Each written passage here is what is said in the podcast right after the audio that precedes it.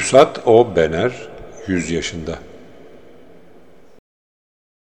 Merhaba, Vüsat Obener'in e, 100. doğum yıl dönümü için e, K24 ortaklığında yaptığımız e, bu e, seride Ayşegül Yüksel Hoca ile birlikte Vüsat Obener'in e, tiyatrolarını konuşacağız. E, Vüsat Bey'in iki tiyatrosu var, Ihlamur Ağacı ve İpin Ucu. Bu iki e, oyun arasında bayağı oldukça uzun bir 17 yıl kadar da bir ara var ikisinin basımı arasında. Bunu da konuşacağız. E, Hocam, e, siz Vüsat Bener Tiyatrosu üzerine en çok düşünmüş kişilerden birisiniz. Zaten çok değerli bir yazınız var İpin Ucu ile ilgili. Ayrıca Vüsat Bey ile ilgili başka bir yazınız daha var. Onun edebiyatını değerlendiren. Sonra Vüsat Bey ile yaptığınız bir söyleşi de var. Hem oyunlarını hem de edebiyatını kapsayan böyle kalabalık bir söyleşi. E, bu Ihlamur Ağacı'nda e, ilk yazdığı oyun. Burada e, baba, oğul, gelin ve ana dört karakter üzerinden bir gün yani kısa bir zaman dilimi anlatılıyor ve oldukça gerilimli diyaloglar bunlar. Ve aslında bir şey hikayesi de var. Babanın e, üvey baba, oğlun üvey babası olduğunu öğreniyoruz zaman geçtikçe ve bir kızı varmış 8 yaşında kızını kaybetmiş. Bir diğer hikayede e, annenin e, ilk kocasının e, bayağı e, onları kendisini ve oğlunu şiddete e, maruz bıraktığını görüyoruz. Böyle oyun boyunca hem söylenen hem de söylenmeyen e, iki e, metin mi var? Öyle diyebilir miyiz Ihlamur Ağacı için? Tabii diyebiliriz. Ee, şimdi şöyle, e, Vüsat Bener'in bu ilk ve iki oyunundan biri olan Ihlamur Ağacı biliyorsunuz Schubert'in bir şarkısından alınmış. Ihlamur Ağacı adı e, bir aile oyunu. Şimdi Türk tiyatrosunda aile oyunları çok yaygındır. Yani bir kısmını örnek vereyim, e, anımsayacaksınız. Güner Sümer'in Bozuk Düzeni, e, Sabahattin Kudret Aksal'ın Şakacısı, Turgut Özakman'ın Ocakı, daha bir sürü sayabiliriz. Bu da bir aile oyunu. Fakat demin örnek verdiğim oyunlarla mukayese ettiğimiz zaman Başar Sabuncu'nun oyunları, aile oyunları içine girer bir bölümü. Mukayese ettiğimiz zaman görüyoruz ki Üstad Bener bildik bir aile öyküsü anlatmıyor bize. Anlattığı aile içindeki fertlerin ki e, öbür oyunlarda yani bildiğimiz aile oyunlarında rastlamadığımız bir ilişki şeyi var. Bir ana oğul var merkezde. Oğul, oğul yeni evlenmiş. 24 yaşında falan aşağı yukarı yaşıtı bir genç hanımla. Ee, anne ise eşi öldük, ilk eşi öldükten sonra yani oğlunun babası öldükten sonra tek başına çocuk büyütmeyi göze alamadığı için evlenmiş baba dediğimiz karakterle. Dolayısıyla bir üvey baba, bir yeni gelin, bir de kemikleşmiş bir ilişki içinde olan ana oğul var. Şimdi bu dört karakterin hiçbiri e, görünürde bir çatışma nedeni olmadığı halde birbirleriyle tam tam anlamıyla anlaşamıyorlar. Çünkü neden? Her birinin köklü bir iç huzursuzluğu var. Oğlan yeni evlenmiş, diğer bir senelik aşağı yukarı diyelim. Fakat mutlu bir genç insan evliliği değil aralarındaki. Kız geçmişindeki e, bir takım e, travmalardan kurtulmak için evlenmiş fakat o travmaların üstesinden gelememiş. Anne hani çocuğunu yalnız büyütmemek için babayla evlenmiş fakat uyumlu bir evlilik olmadığı gibi eee, hem adam için hem kadın için eee, müthiş bir eee, huzursuzluk dönemi olmuş. Epey yıl, aşağı yukarı 16 yıllık bir evlilik. Adam 62 yaşında, unutmayalım Hüsat Bener Ihlamur Ağacı'nı yazdığında 40 yaşındaydı. Dolayısıyla 62 yaşı bayağı yaşlı bir yaş olarak düşünebilir. Halbuki onu 83 yaşında kaybettik. Ee, bana hiç de yaşlı gelmeyen bir insandı 83 yaşındayken bile. Anne e, daha genç.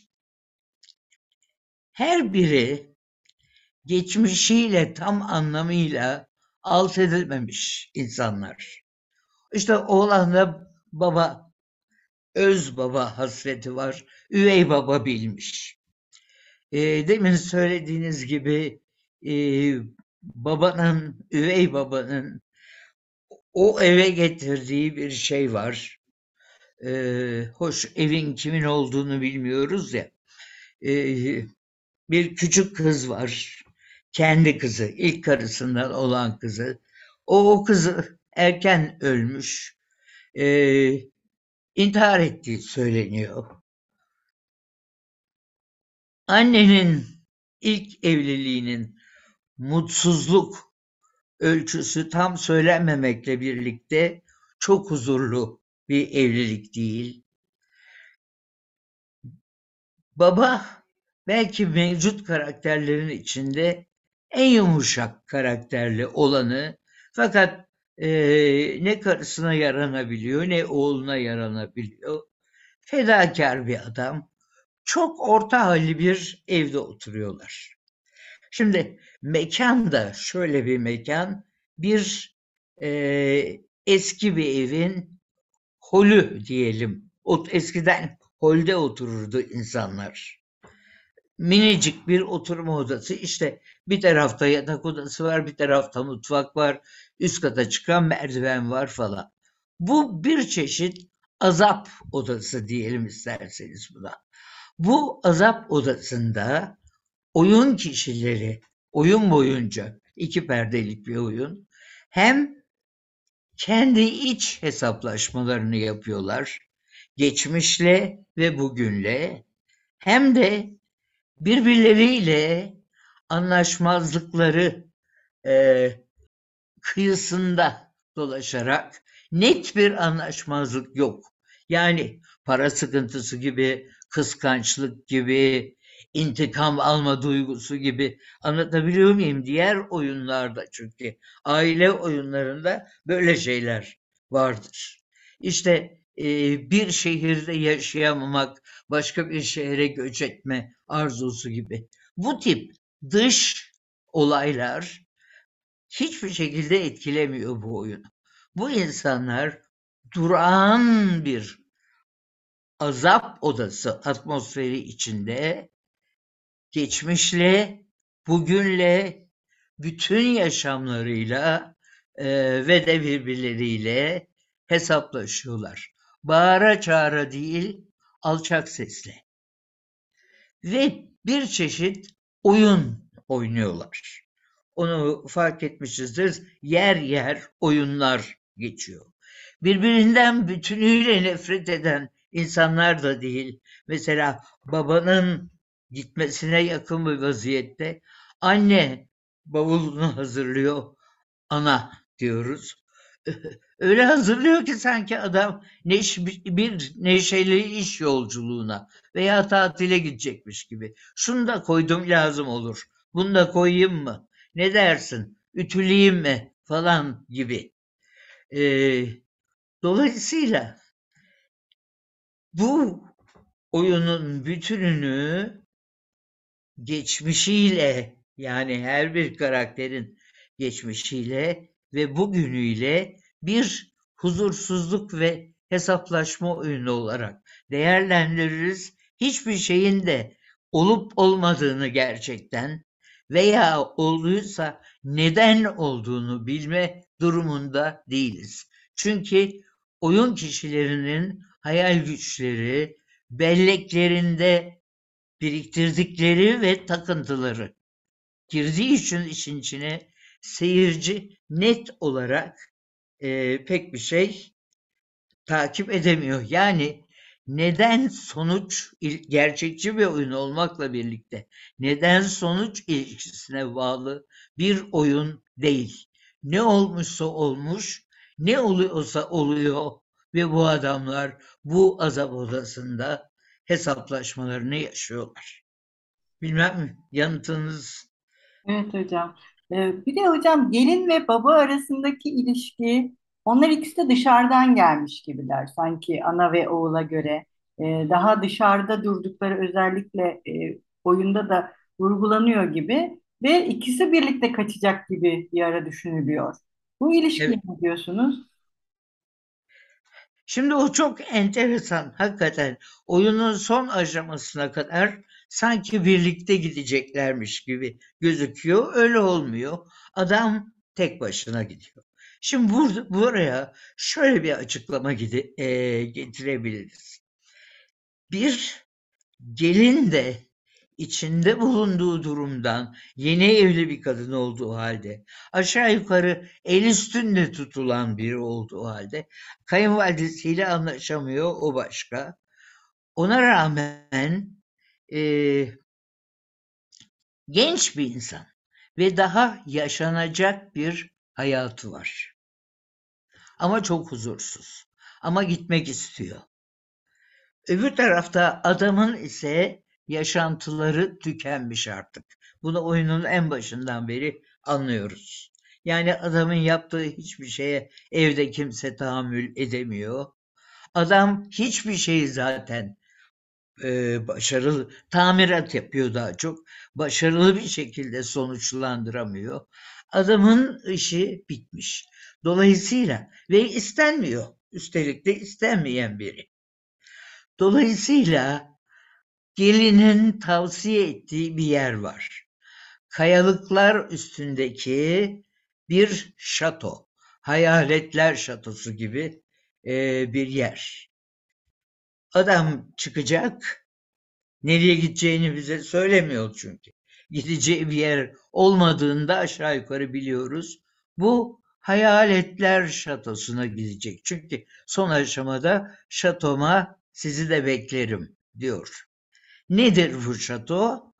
Ee, büyük bir ihtimalle mutlak yalnızlık her şeyden önce. Yapayalnız kalmaya adam artık razı olmuştur. Arkası da ölümdür. Kayalık kıyısı olması böyle bir e, olasılığa işaret ediyor. Gelin onunla birlikte gitmiyor. Çünkü gelinin daha yaşanacak çok yaşı var. Gelin çok genç. Belki arzuluyor fakat daha azap odasındaki süresini doldurmamış. Şimdi buradan şunu söylememiz lazım. Ee, Vüsat Bener çok karamsar bir yazar ve yaşamayı bir azap olarak düşünüyor. O nedenle tam da düşündüğü gibi bir azap odası seçmiş. Fakat yüz, yüz gerçekçi bir dekor olmakla birlikte kişiler gerçekçi e, giysiler içinde devinmekle birlikte şunu görüyoruz. Mesela gelin bir ara yemek yiyor. Gerçekçi tiyatroda biliyorsunuz sahiden çay bardağı vardır. İçinde çaya benzer bir şey vardır. İşte e, tabağın içinde yiyecek bir şey vardır, yener içer. Halbuki burada bir soyutlama var. Gelin çayı içiyormuş gibi yapıyor, tabaktaki yiyecekleri yiyecekmiş gibi yapıyor. Fakat buna karşılık sigara, sahici sigara içiyorlar. Sahiden yakıyorlar. Şimdi eee Vüsat Bener bizimle sanki biraz alay ediyor seyirciyle. Yani bakın ben bir gerçekçi tiyatro resmi çiziyorum size ama öyle ipuçları koyuyorum ki gerçekle gerçek dışı da iç içe yan yana sürüyor. Evet hocam bu e, biraz bizi ipin ucuna da ipler atmış olduk böylece. Ee, ilk bu konuştuğumuz oyun Ihlamur Ağacı 1962'de, 1980'de de İpin Ucu yayınlanıyor. Bu oyunla ilgili sizin şahane bir e, son derece detaylı bir yazınız da var. Ee, bu oyunun başına bir sosyo güldürü demiş. Sosyo güldürü Evet, Yusuf Fener. Nedir hocam sosyo güldürü?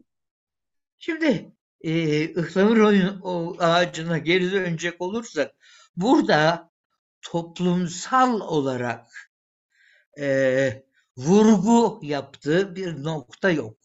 Daha çok kadın erkek ilişkileri, ana oğul, baba kız ilişkileri söz konusu. Oysa ipin ucunda ki 17 yıl sonra yazılmıştır. Bir defa 17 yaş daha yaşlanmış bir Esat Bener görüyoruz. Demek ki 57 yaşında. 60'a yaklaşıyor diyelim. Ve de Türkiye bu aşamada bir 12 Mart yaşamış. Sosyo güldürü kelimesindeki e, kullanımındaki e, esas vurgu burada. Yani Türkiye içinde yaşamış ve Türkiye içinde yaşarken gözlemlediği, tanık olduğu noktalara takılmış, bunu da bir azap e, kaynağı yapmış e, bir insanın söylemi ile karşı karşıyayız. Dolayısıyla sosyo güldürü deyince işte e, idam edilmiş üç fidandan, deniz gezmişlerden tutun e, pek çok insana yapılan işkenceler, eğitimde çok büyük baskı kurulması, gençlere rahat yüzü verilmemesi, insanların özgürlükten adım adım uzaklaştırılması gibi çok önemli e, toplumsal olayları da içeren bir e, söyleşim düzeni, bir oyun düzeni söz konusu. Bu oyunu biliyorsunuz ipin ucu e, ıhlamur ağacının tersine benzetmeci değil, açık biçimde yazılmış, göstermeci uslupla oynanan, yani bizim Türk halk tiyatromuzun geleneğine yaslanan ve e, İbsen'le başlayan gerçekçi tiyatro geleneğinin ki bu gelenek içinde sayabiliriz ıhlamur ağacını tamamen dışında kalan bir uslupla e, devreye soktuğunu görüyoruz konusunu e, ve burada alaycı e, Yusuf Bezer'in karamsarlığı yanında ki en önemli e, özelliklerinden biri de alaycı bir ton içinde olması. Yani öfkesinin yüzde yetmiş beşini kara alaya vurması. Alaycılık ama kara bir alaycılık. Neşeli bir alaycılık değil. Vurmasıyla görüyoruz.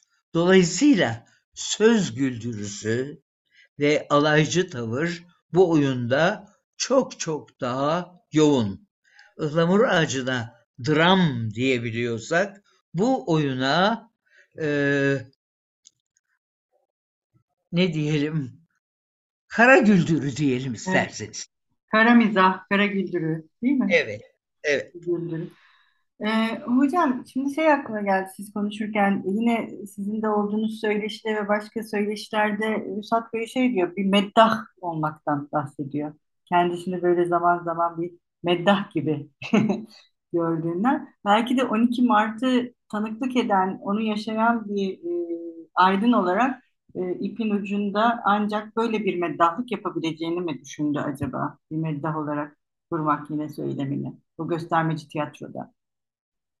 Doğru, doğru. Şöyle, zaten ipin ucu e, bir aynı karakterin ikiye ayrıştırılması sonucunda oluşmuş bir meddah olayıdır. Yani aslında konuşan e, Üsad, Üsad'tır.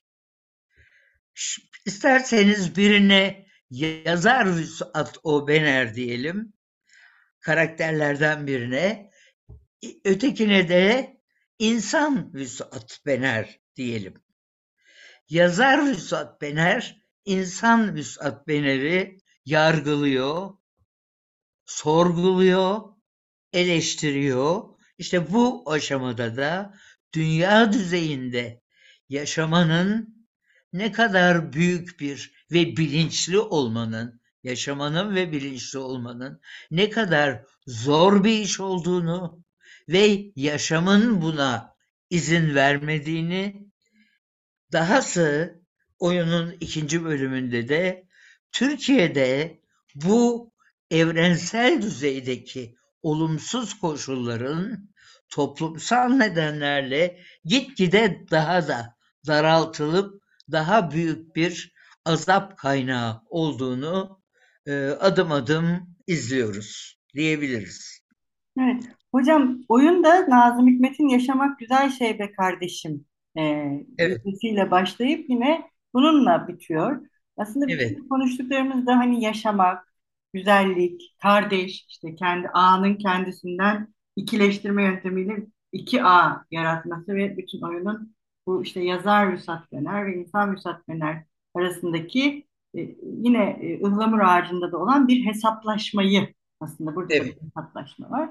Hesaplaşmayı anlatması. Acaba bu Nazım Hikmet'in e, hem o yıllarda yasaklı olması, uzun yıllar, hem de ülkeden uzak olması, bir de bütün bu oyundaki şey, hani her şeyin özü aslında yaşamayı bilmekte mi bir taraftan? Şimdi şöyle tabii mizaç olarak çok farklı iki büyük düşünür ve yazardan söz ediyoruz.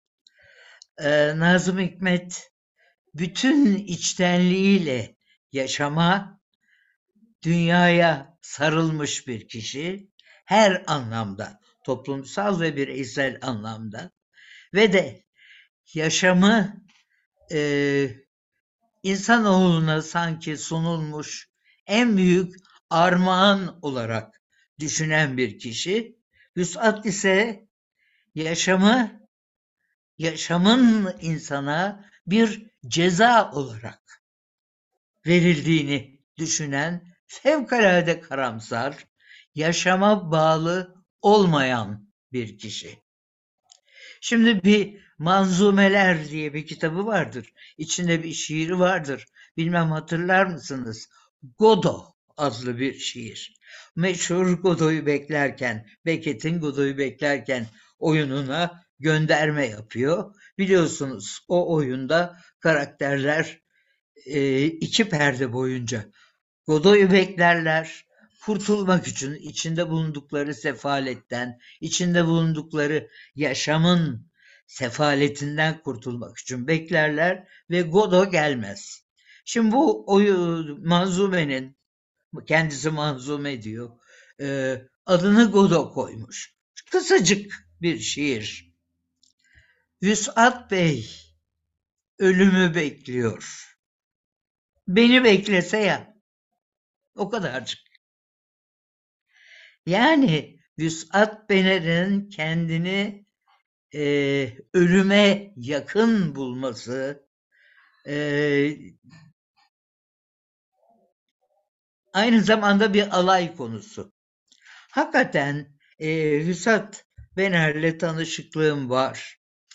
E, belirli bir yaşta 80'lerin sonunda 90'ların başında e, bahsetmişti. Ben öleceğim artık demişti. Ya daha ölme yaşında falan değil.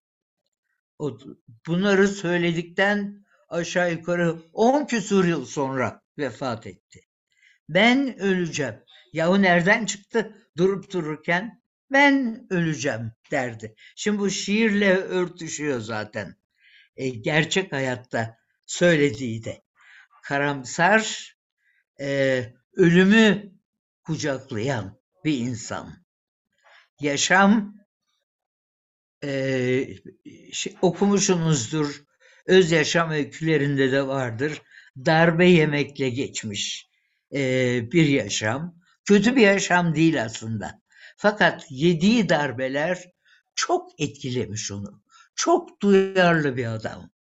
E, inanılmaz derecede e, olayların etkisi altında kalan ve bilincinde bütün bu travmaları muhafaza eden ve dolayısıyla da gerçek hayatında da hesaplaşmalarını sonsuza kadar neredeyse sürdüren bir e, kişi. Dolayısıyla ölümü sanki bir mükafat gibi de görüyor olabilir yaşamın eziyeti karşısında. Bu açıdan Samuel Beckett'le e, büyük bir akrabalığı da var gerçekten.